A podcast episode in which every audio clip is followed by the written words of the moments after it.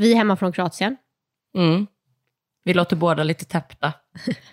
Vi är tillbaka i pollen hell Ja, det är vi. Du mer än jag kanske, men ändå. ändå. Fan vad det är mycket att, att resa. Alltså jag har alltid tyckt att det är... Ah. Alltså jag blir matt innan vi reser. Det är packning och det är flyg och det är taxi och det är båt och det är väskor och det är hiss och det är barnvagn och det är... Men det är mäckigt med barn. Mm, Och det, det är resan- faktiskt ganska mycket. Just den här resan som vi gjorde igår är ju tung för att du ska upp fyra, ska åka taxi, sen ska du åka färja, sen ska du åka taxi, sen ska du åka flyg och sen ska du ta dig hem.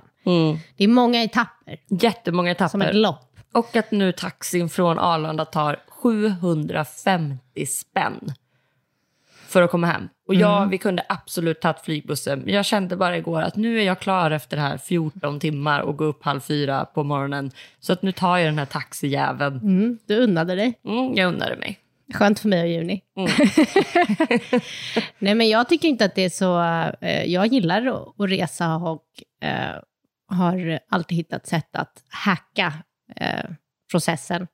Typ som att skaffa ett guldkort och få dricka bubbel i någon slags.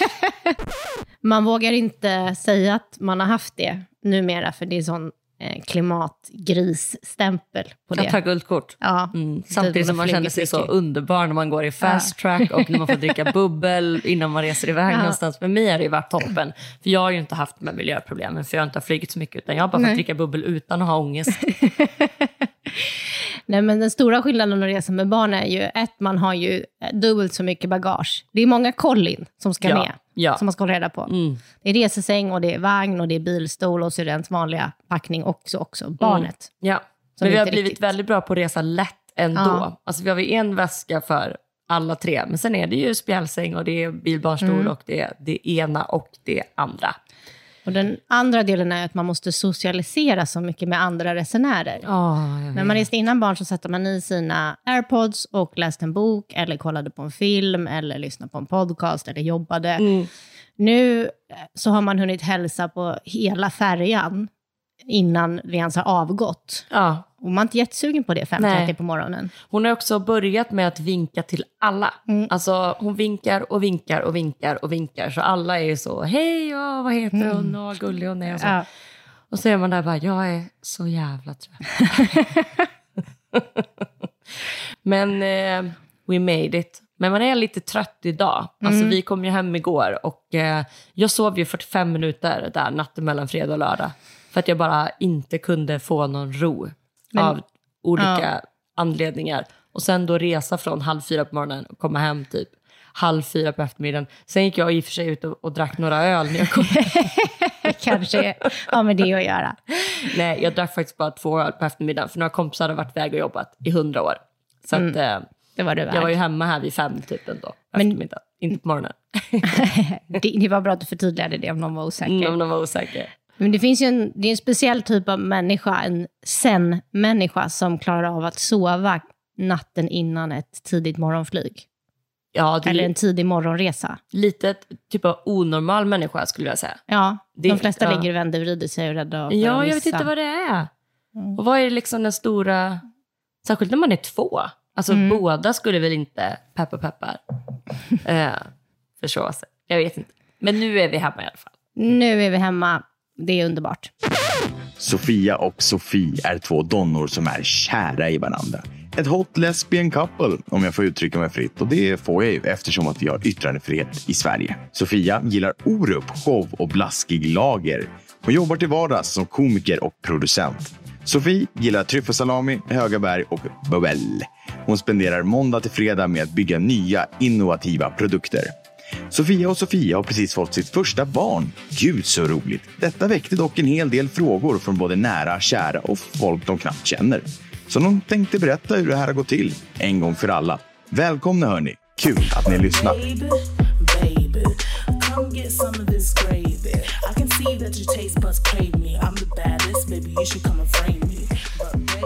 Många kan nog känna igen sig i hur kluven man är när man ska lämna BB. Mm. Man längtar hem till sin egen säng, till sina egna saker och man har också boat för den här bebisen, så det är det oftast i alla fall. eh, och taggad på det. Samtidigt så är man ju skräckslagen för att ha ensamt ansvar Mm. över den här lilla varelsen och inte vara i sjukhusets trygga eh, liksom, förvar. Ja men det är jätte, jättekonstigt. Man bara, nu är det jag som ska uppfostra och lära och eh, i början mer bara så här sova, byta blöja, Ja. mata. Eh, jag ska få den här personen att överleva. Det är det man gör. Man tar med sig någonting hem som man ska hålla vid liv. Det är som att man har klarat sina blommor så hela livet. Eller något kanske marsvin när man var liten. Jag klarade ju typ inte ens en fisk när jag var liten. Alltså jag hade, ja. Fast jag är bättre med juni. Man växer med uppgiften, så kan man säga. Nej, men det är stort. Man packar ihop långsamt och metodiskt och liksom bearbetar eh, det här steget. Ja. Nu kommer jag att tänka på när min kompis, en barndomskompis mig, hon hade också en guldfisk. Och en morgon när hon vaknade så ringde hon mig jätteledsen för då hade den här guldfisken tagit livet av sig genom att hoppa ur skålen och torka in i hennes duk. Det var så jävla traumatiskt. Så mörkt att tro att den har tagit livet av sig. Men vad skulle den annars ha gjort? Den har ju liksom tagit sats och hoppat ur den här jävla skålen. Den Och kanske försökte ta sig till havet. Ja, Som kanske. Nemo. Ja, jag vet inte. Det var bara jättetraumatiskt. Men skit i det. Nej, men man, eh, man kommer hem med ett barn och man ska få det och, och Ja. bli någon typ av bra person. Och man är så ovan vid allting. Jag kommer liksom bara lyfta den här lilla babyskyddet Mm. och, och, och liksom sätta runt säkerhetsbältet. Nu gör man ju det med vänsterhanden samtidigt som man typ matar henne med majskrokar och Ja. pratar med taxichauffören. Ja, ja, ja. Nu är man ju Då helt var det annat. liksom livets största uppgift. Och Ja. det är så många sådana uppgifter de första veckorna hemma som är det första gången man gör något som känns så viktigt. Ja, och bara det här som du säger att man är så typ så rädd bara för att, eller rädd kanske är fel ord, men att lyfta henne. Man tänker att hon är så himla skör och ömtålig, vilket hon också är. De har ju liksom inte en enda typ led i kroppen. Man går där med nacken och bara så här, det är som en liten fågelunge tycker jag. Eh, och, och bara komma hem och sådär, okej men hur ofta, hur ofta ska hon äta och byta blöja och sova? Och det är klart att man, man lär sig på BB och man har läst och man har liksom syskonbarn. Jag hade även- läst böcker. Du hade läst. Ehm, men ja, det, det är allting är bara så konstigt. Hur mycket man ändå har läst eller pratat eller sett Mm. Ja, ja. så är det ju så här, nu ligger det ett barn här på Ja. våran soffa i något slags babyskydd och hon är vår. Ja, vi kom ju hem med all vår packning som vi inte hade använt. Och vi åkte också taxi i tre, tre minuter ungefär. Alltså max tre minuter. Vi kände vi klarar inte av att gå med den här dyrbara lasten. Nej, jag kunde väl inte helt gå heller. Exakt, kanske mer. Jag tänker att det är för, för allas bästa. Ja, för allas bästa. Vi bor ju ja, Ja. 300 meter från Karolinska. Så det var väldigt konstigt. Men jag tänker också att alla de taxichaufförerna måste vara Ja. så vana. När de vet att det är tränadressen, då kommer det ut två så upprymda men också Mm. lite sköra föräldrar. Ja, du Eller skulle, de håller på att bygga om där, så du skulle springa ut och möta eh, taxichauffören. Och jag var själv nere i den här receptionen med Juni. Mm. Och jag bara, vad gör jag om hon börjar gråta? Nej, exakt. Vad gör jag nu? Hoppas hon sover den här kvarten som det tar hem. Alltså i början sover de ju väldigt mycket. Juni var ju däremot väldigt, väldigt vaken. Ja. Ehm, som vi pratade om lite förra avsnittet också, att hon kom ju ut med helt vad heter det, stirrade, spända ögon. Ja, uppspärrade. Man Uppspärrade ögon. Det kan man förstå när man kommer till jordelivet från något annat, att bara så här, gud vad det var mycket action här. Alltså så himla konstigt det måste vara. Ja, Det är, är som att vi att- skulle komma någon annanstans sen. det är synd att man inte Alltså, man kommer är- ihåg. Att man inte Att Nej, ingen exakt. kommer ihåg hur det är. Nej men vi kommer ju, så kommer man hem, man hoppar ur taxin och så kommer man till det här att man bara, nu är hon här. Mm. Och hon är här för att stanna. För jag tycker att det känns lite så, som att det bara ska, liksom, nu föddes hon och det här är ett, Mm. ett projekt vi, vi har nu, det är som att liksom åka på semester en vecka, att nu är hon här och så är det någonting man gör en stund Mm. och sen så är det bra. Som med typ allt annat man gör i livet Ja, med jobb eller resor eller vad som helst så finns det liksom ett, ett eh, slutdatum på något sätt. inte med mig. Nej, inte med dig. Inte med dig. Nej, men det, jag, jag tycker att det känns så bara. Att nu så här, Ja. det här är, det här är, hon är här nu för att stanna, det är det jag menar. Ja. Så här, vi var i Kroatien tre veckor, Juni är här för att stanna Ja. i vårt hem. Inte Hon tre stannade veckor, inte i Kroatien, även om hon hade velat. Hon, mm, det hade hon velat. Kompis med alla kroatiska barn nere på torget. Mm. Nej, men det var sjukt när vi kom in. Vi låste upp och så gick vi in och så la vi henne på soffan och hon sov ju. Och så tittade vi på varandra och bara, ja, Nej. nu då? Ja. Nej, det var så mär- ja, det är så märklig känsla och det tror jag man, det har man ju hört från många Mm. också. Men det är verkligen konstigt. Samtidigt som det kändes på något konstigt sätt också helt så normalt. Ja, verkligen. För Det att man kändes själv- förberedde sig ändå i nio månader. Det kändes självklart. Ja, det gjorde det. Eh, eller över nio månader såklart med hela processen innan och sådär. Men, men eh, ja. Och sen att man direkt kommer in i hela den här BVC-svängen. Man ska ju ringa typ samma dag man kommer hem eh, och anmäla Juni till BVC. Man bara, vad, okej, vad är BVC? Vad gör vi nu? Och då kommer ju de hem hit. Mm. Jag var inte hemma då, jag var på, då var jag på jobbet. Ja. Ehm, och uh, vägde och mätte va? De vägde och mätte, frågade hur det gick med amningen och ja, men frågade hur det gick för oss och hur vi mådde och uh, checkade av läget. Så man, är liksom, man åker ju direkt in i systemet barn, vilket är helt fantastiskt. Ja. Och sen bara så här, ja, vi har ett femårsprogram här, ni ska komma då och då och då, kontroll och på detta och detta detta. Då är man så här, Sverige är det bästa jag vet. Men det är så sjukt för att resan av saker som man inte vet, som man behöver upptäcka, fortsätter ju. Ja, Det är liksom gud, ja. genom hela den här processen, men eh, även när man är gravid så är det så här massa grejer som man lär sig. Alltså det är en livslång lärandeprocess och man har väldigt lite förhandsinformation om alla de här sakerna. Ja. Som att det var ett hembesök till exempel. Ja, ja man, har, man vet ingenting om det som, som händer efteråt på något vis. Jag kommer också ihåg när hon fick ett personnummer på förlossningen. Alltså det var ju nästan det första som hände när de kom ut och det hade varit någon liten paus och så. Så sa de ju liksom så här att nu så gör jag ett personnummer här till juni. Så var det en av liksom barnmorskorna som knappade på en dator och bara, nu har hon ett personnummer. Det är också en sjuk grej. För ditt personnummer är ju liksom ditt ID. Det här är någonting som du verkligen hakat upp dig på. Ja, men jag tycker att det är så himla märkligt att någon kan gå in och göra ett personnummer. Är inte det jättekonstigt? Jag tycker det är jättekonstigt. Och då, dit jag skulle komma nu, det var att när jag ringde BVC då, Ja. eh, för det var jag som ringde, så frågade de mig eh, vad har de för personnummer? Mm. Och jag, jag kunde inte göra det.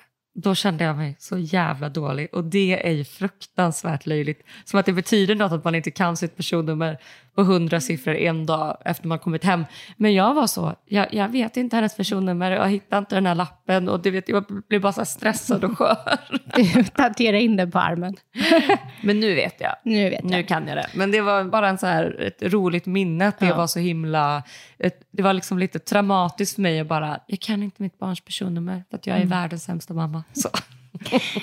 Nej, men jag gick ju på BVC första tiden för att jag var hemma med Juni och, och sådär. Men sen var det väl var det typ efter tre månader som det var partnersamtal, Ja, just heter det. Ja. Eller sex månader, jag kommer inte ihåg. Men det, ja, det var nog ännu längre fram. Jag vet inte heller exakt. Sex månader kanske, första Mm. tiden i alla fall. Och då är, kommer ju partnern istället för den som har varit... Precis, och då ska man ju komma själv. Ja, eh, för att jag man ska då liksom... med. Och du vill snacka skit om mig. Ja, precis. Bara så här, hur går det i ert förhållande? Och hur känns det med Juni? Och känns det att vara, eh, att inte ha eh, ja, men gått igenom förlossningen? Alltså precis, det får ju pappor och alla göra, eh, partnersamtal. Men det som händer då är ju att jag och Juni går dit, vi sätter oss i väntrummet. Eh, jag tycker att det är jättekul att vara där och liksom bara få så här, vara med typ. Och så kommer det in då barnmorskor, för det är många föräldrar som sitter där med barn och så bara ropar de upp något annat barn, så ja, Elliot och Adrian och hej och hå. Jag och Juni sitter där och bara, men det borde ha varit vi för typ så tio minuter sedan, men jag bara, jag ska inte vara någon sån nu som stressar, de har mycket att göra, bla bla. Och sen kommer det in då en sköterska eller en barnmorska som har varit inne två gånger innan och bara kikat in så här, liksom, tittat runt och bara gått. Och sen så kommer hon in liksom en tredje gång, då är klockan typ 20 över. Hon kommer in en fjärde gång fem i halv. Och sen så kommer hon in en gång till halv då. Eh, Då har ni suttit där i 30 du minuter. har suttit här då, i Juni. 30 minuter. Och alla andra har lämnat. Och alla andra har lämnat. Och Eh, och går ut igen den gången. Och då så kommer det, när det kommer in liksom en sköterska igen så frågar jag så här, hej liksom, vem, jag skulle varit här klockan tio, hon är liksom fem, halv elva nu, vem ska jag till? Bara, ja men vad är ditt personnummer? Bara, ja men du ska ju till den här tjejen. Så, här. så knackar de på dörren, då är det ju den tjejen som har varit och kollat sex, fem eller sex gånger i väntrummet och gått ut. Och då handlar det om, och så kommer jag in hon bara, gud förlåt, eh, jag, jag trodde du skulle se lite annorlunda ut. Jag bara, du trodde att jag skulle vara man? Hon bara, ja eller, vi har ju setts eh, och, och jag tänkte att du var blond. Jag bara, vi har inte setts. Nej, jag är inte blond och liksom man, utan du skulle bara kunna säga så här, förlåt. Alltså det, har varit mycket, det hade faktiskt varit mycket typ så här roligare att hon hade sagt så här, alltså jag, fan jag trodde du skulle vara snubbe. Alltså jag är ledsen Sofia, alltså liksom, kan vi börja om typ? Att hon hade gjort något litet skämt av det. Men där kände man ju igen så här, jag vart inte arg men man blir lite så här trött Jag när hon tycker har varit synd om inne dig och sex Juni som har gånger. suttit Liksom. och väntat och så kommer ingen. Nej men alltså så här, hon kan väl också typ, hon ser ju i Ja. alla fall att det är partnersamtal. Det är inte du Ja. som kommer sitta i det här väntrummet. Eh, sen kanske hon inte känner igen Juni så, de har ju tusen barn och det gjorde hon ju uppenbarligen inte. Nej. Eh, eller så var, var det bara att det blev helt fel i huvudet. Hon Ja. tittade inte ens på den bebisen för det satt inte en kille där. Men eh, man blir ju så här, ah, jag orkade inte bli arg eller någonting men det blir ju det blir en liten suck. Man bara, nu har jag suttit där i 35 minuter och förklaringen var att du trodde jag skulle se lite annorlunda ut. Mm, Okej då. Så att vi hade ju partnersamtal i tre minuter ungefär för att eh, tiden var ju slut där kvart i. Och de skulle ju också mäta och väga Juni och sådär. Så att eh, som tur var så eh, hade jag inte så mycket att säga. Alltså jag tyckte ju det här partnersamtalet var onödigt innan jag gick dit. Bara för att vi hade ju ändå en väldigt bra kommunikation, allt gick bra hemma. Det är ju toppen att det finns. Eh, jag tror att det är verkligen många som behöver det. Men det var lite tur menar jag, att vi hade så tre minuter kvar av våran tid. Eh, Ja. Eftersom jag då kände att så här, nej men jag, ja, jag behöver liksom inte riktigt prata med dig. Men eh, ja, det var, Vi det fick var väldigt tre minuter. Tre minuter, Ja. det, det hinner man mycket Där på. kanske vi skulle ha valt en... Snabbis eh, till exempel. Skojar bara. Försöker du antyda något? nu? Förlåt. Lite trött. Mm. Där kanske vi skulle ha valt en HBTQ-certifierad BVC-klinik då. För då hade du kanske sluppit Ja, då, hade- jo, 35 men då hade man ju sluppit det. Såklart. väntan. Nej, Men den där första gången också så är man lite osäker för det är en helt ny miljö. Nu har man varit där tio gånger så nu bara sladdar man in fem minuter innan och eh, låter Juni leka med alla leksaker i väntrummet. Men första gången satt man ju där och bara på nålar typ. Ja, För ja. att ehm, man aldrig har gjort det förut. Nej. Men det blev ett partnersamtal, dock kort. Ett poddtips från Podplay. I fallen jag aldrig glömmer djupdyker Hasse Aro i arbetet bakom några av Sveriges mest uppseendeväckande brottsutredningar. Går vi in med hemlig telefonavlyssning och, och då upplever vi att vi får en total förändring av hans beteende. Vad är det som händer nu? Vem är det som läcker? Och så säger han att jag är kriminell, jag har varit kriminell i hela mitt liv men att mörda ett barn, där går min gräns. Nya säsongen av Fallen jag aldrig glömmer på Podplay. But baby, baby,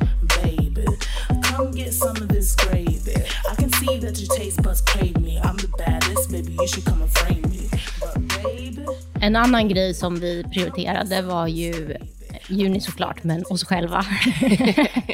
vi åt Det tycker jag man ska göra. Vi åt väldigt mycket chark. Mm. Du hade längtat efter det. Ja, eh, tog ett glas bubbel Mm. då och då och eh, kollade på romantiska komedier.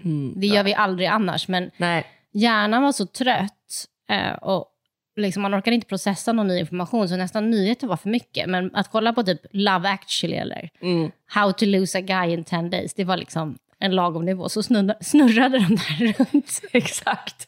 Och då ska man ju veta att det här, det här är verkligen sjukt i det här hemmet. För jag, Ja. jag vägrar titta på någonting som inte innehåller tre hemska mord inom två minuter. Och att, att, att det ska vara liksom spännande och hemskt. Du älskar mord. Jag älskar faktiskt mod. Och jag är jätterädd för blod. Ja, så att du får ju ofta eh, liksom, ge med dig. Fast jag, jag, jag föreslår inte de värsta till dig. Kastanjemannen var kanske lite... Ja, det var Ja, fruktansvärt. den gillar inte du. Varför Men, utsätter man sig för sånt? nej, men jag tyckte, den tyckte jag också var ganska rå. Fy Alltså, fan vad läskig och äcklig den var. ja, för mig behöver det inte vara att man måste se varenda Ja, jag, styckning. jag, kan det gå med det jag på, menar. Men, jag kan gå med på att titta på morden i Sandhamn. mm, ja, men det är din nivå. Det är lagom. Ja, det är nu såg lagom. jag att morden i Helsingör har premiär snart. Tredje säsongen.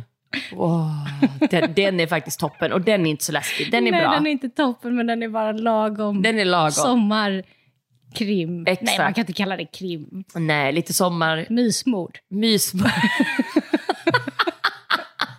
det bästa ordet jag har hört. Mysmord, det är också Sandhamn. Mm. Alltså 100% mysmord. Gud vad. Ska vi kolla på mysmord? Ja. Det är det jag ska föreslå. Och så ska jag säga det nästa gång jag vill se en sån kastanjeman. Det är lite mysmord det här. Du kommer tycka att det är bra. Nej men vi kollar på Love actually och sånt. Bubbel, chark, ost. Mm, och myste med juni. Mm. Och fick otroligt mycket blommor. Alltså det var inte vi beredda på. Nej, det är ju en grej som man också då lär sig när man får sitt första barn, att det är en grej att skicka blommor när man får barn. Ja, Alltså vi hade typ 30 buketter här. Ja, alltså inte ett skämt. Och jag har aldrig tänkt på att jag ska, alltså man skickar ju liksom sms och ringer typ. Ja, och så tar man med sig någon liten body eller någon liten skallra Mm. när man ses Mm. Ja, första var- gången. Men den här blomgrejen, nu har vi ju lärt oss, så nu skickar vi blommor. Ja. Nej men det var jätte, alltså man blir så, man är ju så blödig också så man blir Ja. så himla glad och att folk liksom tänker på en och framförallt liksom på juni. Det är ju lite så här välkommen till världen det är en perfekt grattis. och- tid också att omvandla sin lägenhet till en blomsterbutik, för man är ju hemma väldigt mycket. Mm. Ja, man bara man. går runt och tittar på alla de där fina blommorna. Ja, det är man. Det som många fokuserar på första tiden, så även vi, är ju sömn. Mm. Barnets sömn och ens egen sömn. Mm. Man tappar ju helt dygnsrytmen och lever i en egen bubbla, vilket är fantastiskt på många sätt. Men vi är ju inte programmerade för den typen av Nej. dygnsrytm som en eh, tre veckors bebis har. Nej. Det som funkade väldigt bra för oss var ju, jag ammade ju så att eh, nätterna var ju mina. Men för att eh, klara dagen med förståndet i behåll så gick ju du och Juni alltid upp på morgonen Mm. vid sex typ, eller när hon Ja. vaknade. Ehm, Ja, vi, hade all, vi hade alla månader och du hade alla nätter. För man kan ju inte göra riktigt på något annat sätt i början om man ammar.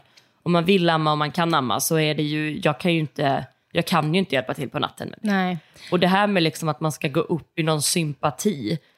Alltså det har jag ju hört några som gör att Ja. så här, eller så här, men jag tycker ändå att min man eller min partner eller vad, vem det än är, partner såklart, för säger jag man, eh, borde också vara uppe på natten och typ supporta. Man bara, men snälla.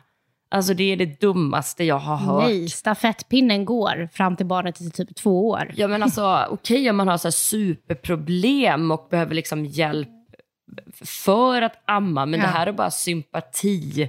Vara uppe så att båda är trötta. Det är lite som att så här, ja men om du ska dricka ikväll och jag ska köra, liksom, då borde du också vara nykter på den här festen. Man bara, men snälla.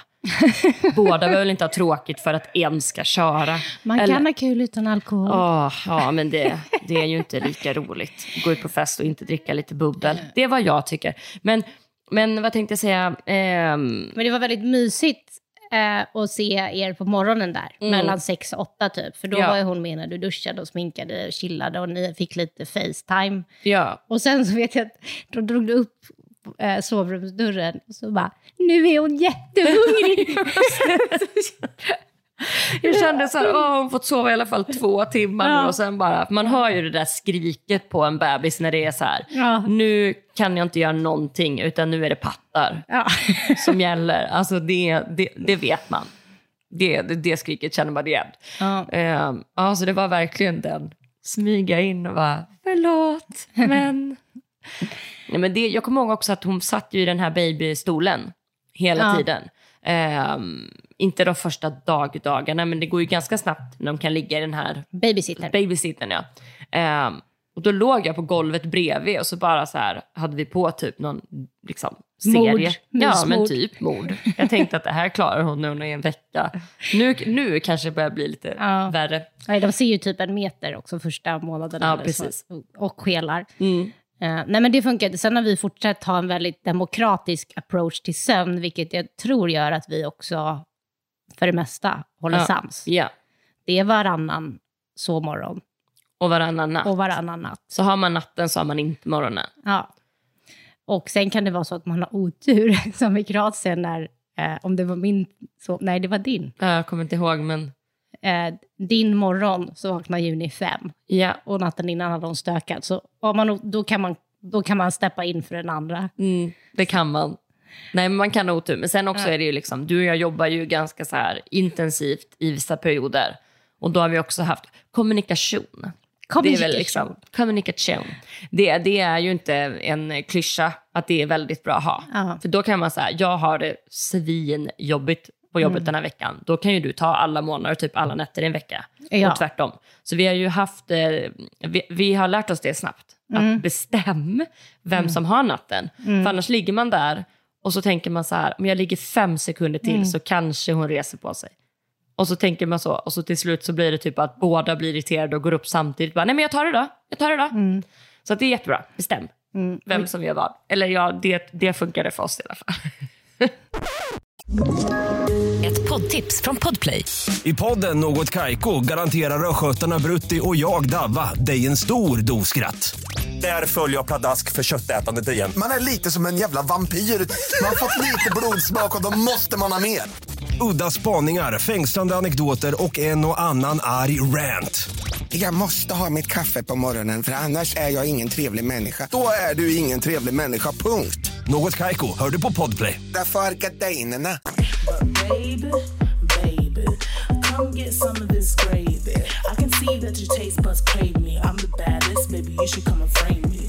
But baby, Något som man också gör inom några veckor eller månader. Vi, vi minns varken du eller jag exakt hur, när man gjorde detta, men man går ju till familjerätten för att man ska bekräfta sitt föräldraskap. Alltså om man inte har fött barnet. Och jag hade på riktigt ingen aning om det här. Alltså det är helt logiskt eh, i efterhand att någon på papper måste vara eh, förälder.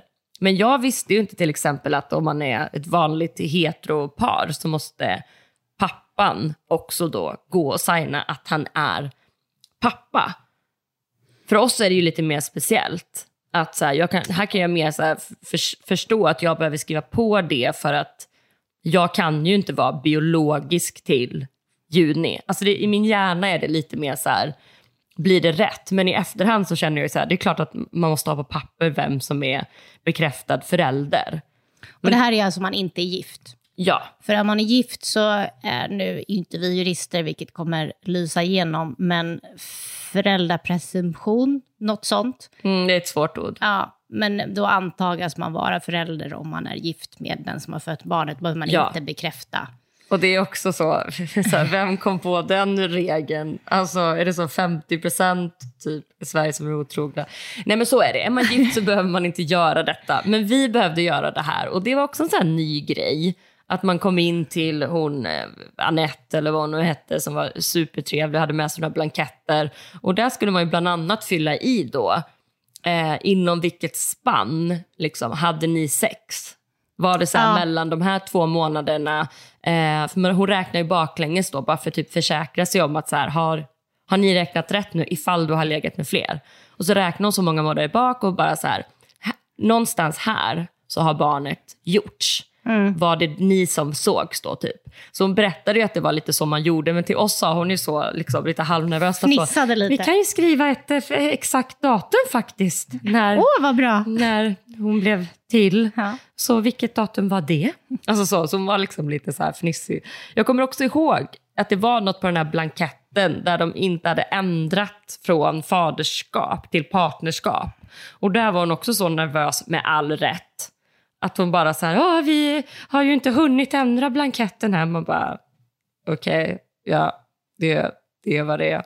Det har liksom varit lite sådana liknande saker på vägen. Och så fick jag ju signa med BankID igen och skriva under. Att nu är jag liksom lika mycket förälder till Juni som dig. Du kommer aldrig kunna liksom ta ifrån mitt föräldraskap. Nu är det klart. Nej, och anledningen till att vi tar upp det här är ju att det är lite speciellt för många regnbågsfamiljer, Mm, det här precis. med juridiskt föräldraskap. För Ja. det är, låter ju väldigt torrt, men det är det det handlar om, att Mm. du är förälder till ditt barn på pappret, vilket gör att eh, han eller hon kommer få ärva av dig och du har ansvar för barnet, ska försörja barnet, men de får också besluta om vart barnet ska bo och så vidare. Ja, ja. Så det är ju, och det hade hon en lång föreläsning för oss om, vilket var ganska gulligt i varför det här är så viktigt. Mm. Ja. Eh, så hon var väldigt passionerad sitt jobb. ja, det var hon verkligen. Hon Eh, hade sådana där lite bekväma skor och blommig blus och ja. piffig i håret. Och Eh. jättesnäll och trevlig. Och Hon när såg man, ut som någon på familjerätten i min fördomsprofil. ja. Fördomsprofil. eh, nej, men när man har gått igenom assisterad befruktning med donerade spermier eller ägg så blir det här extra viktigt då, så att det inte kan komma någon annan eh, som donerade och säga att de ska ha liksom, rätt till delad vårdnad eller vad Nej, det nu kan precis. vara. Eh, och därför är den där signeringen med bank-id som du gjorde vid inseminationen så viktig. Ja, Samt att vi eh, är skrivna på samma adress, sambos eller gifta och att kliniken är registrerad. Som vi har gjort det på ja. Ja, som vi har gjort det på. Och Men det, om vi hade varit gifta, då hade jag ändå behövt göra det här, eller hur? för att det är med donerade. För att det är med donerade, Ja. exakt. Då måste det väl vara... Det här, är- nu frågar jag nästan ut i luften här till alla er som lyssnar. Du kanske vet det här svaret, men om man då har donerat att man är man och kvinna och mannen har... De har, tagit in, de har donerat sperma mellan Samma- dem med, men är gifta. Då är det samma. Samma process för det alla. känns faktiskt eh, bra att man inte eh, ska bli, vad, vad säger man, utstött. Ja, Eller och Instött. det är väldigt nytt att man också får en sån här smidig process, att vi bara går dit och sätter en kråka på ett papper, Mm. när man har gjort det på klinik utomlands, om den är eh, registrerad. Ja. För det har ju många eh, liksom varit med om att du har gjort det utomlands och då har du varit tidigare tvungen att gå igenom en närstående adoption.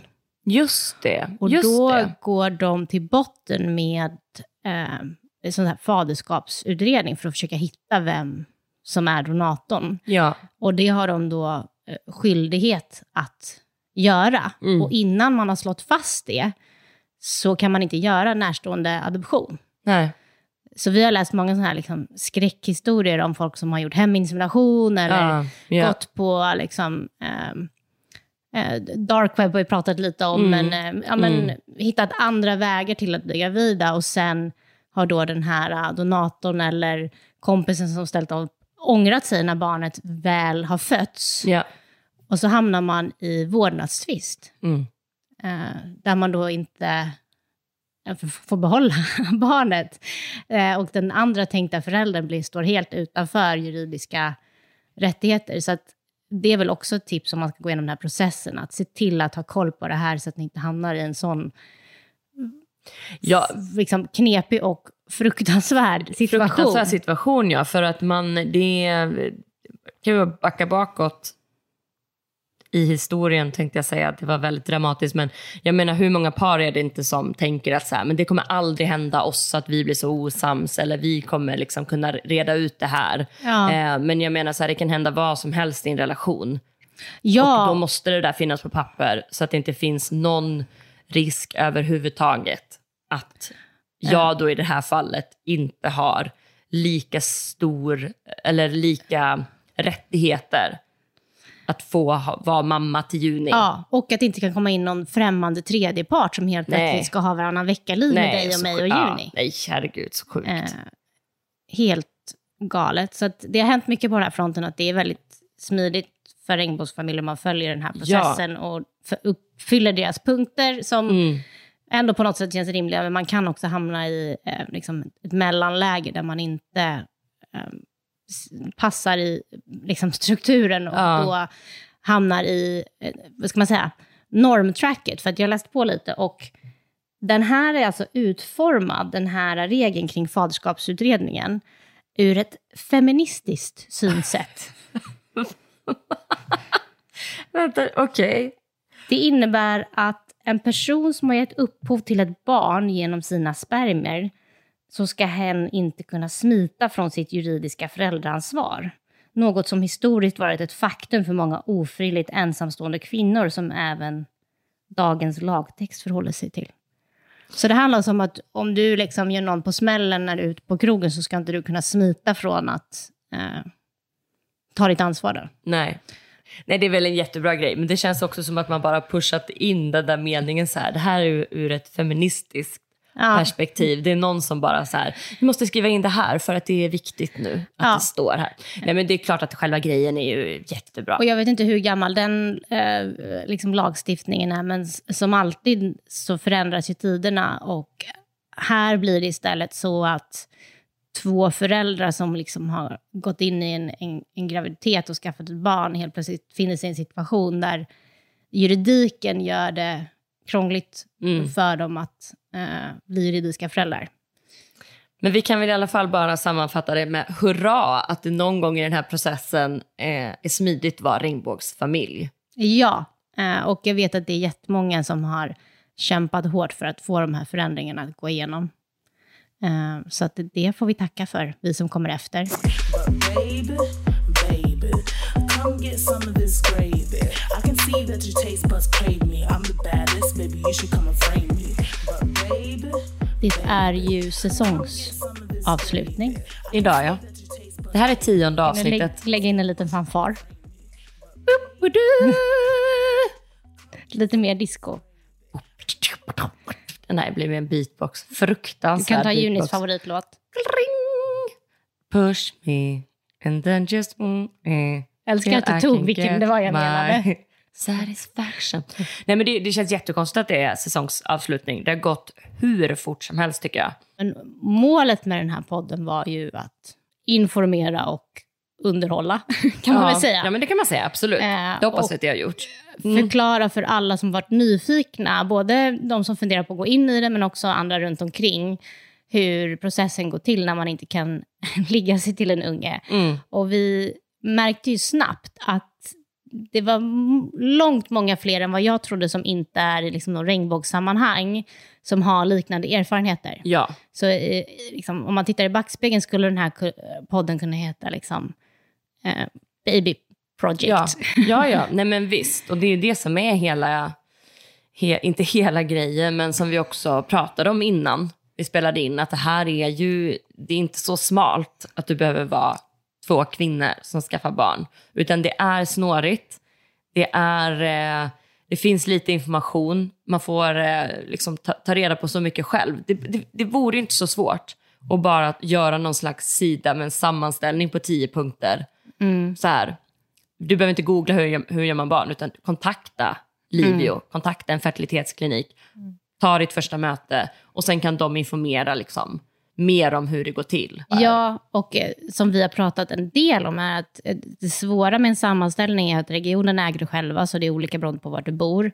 Och sen att det är så många olika liksom, parter med. Mm. Det är du som privatperson, det är de här klinikerna som man får välja via vårdval, sen har du de faktiska sjukhusen, sen har du familjerätten, Mm. eh, socialtjänsten. Så det är ju lite trixigt att navigera sig igenom, men det är ju absolut värt det i Ja, slutändan. ja, verkligen. Eh, och ja, vi är glada att vi gjorde det. Väldigt glada. Lilla Jumpan är snart två bast. Ja. Mm. Och tack till alla som har lyssnat och hejat på. Verkligen. Vi ses snart igen. Puss! Hej! baby, baby, come get some of this gravy. I can see that your taste buds crave me. I'm the baddest, baby, you should come and frame me. But baby, baby,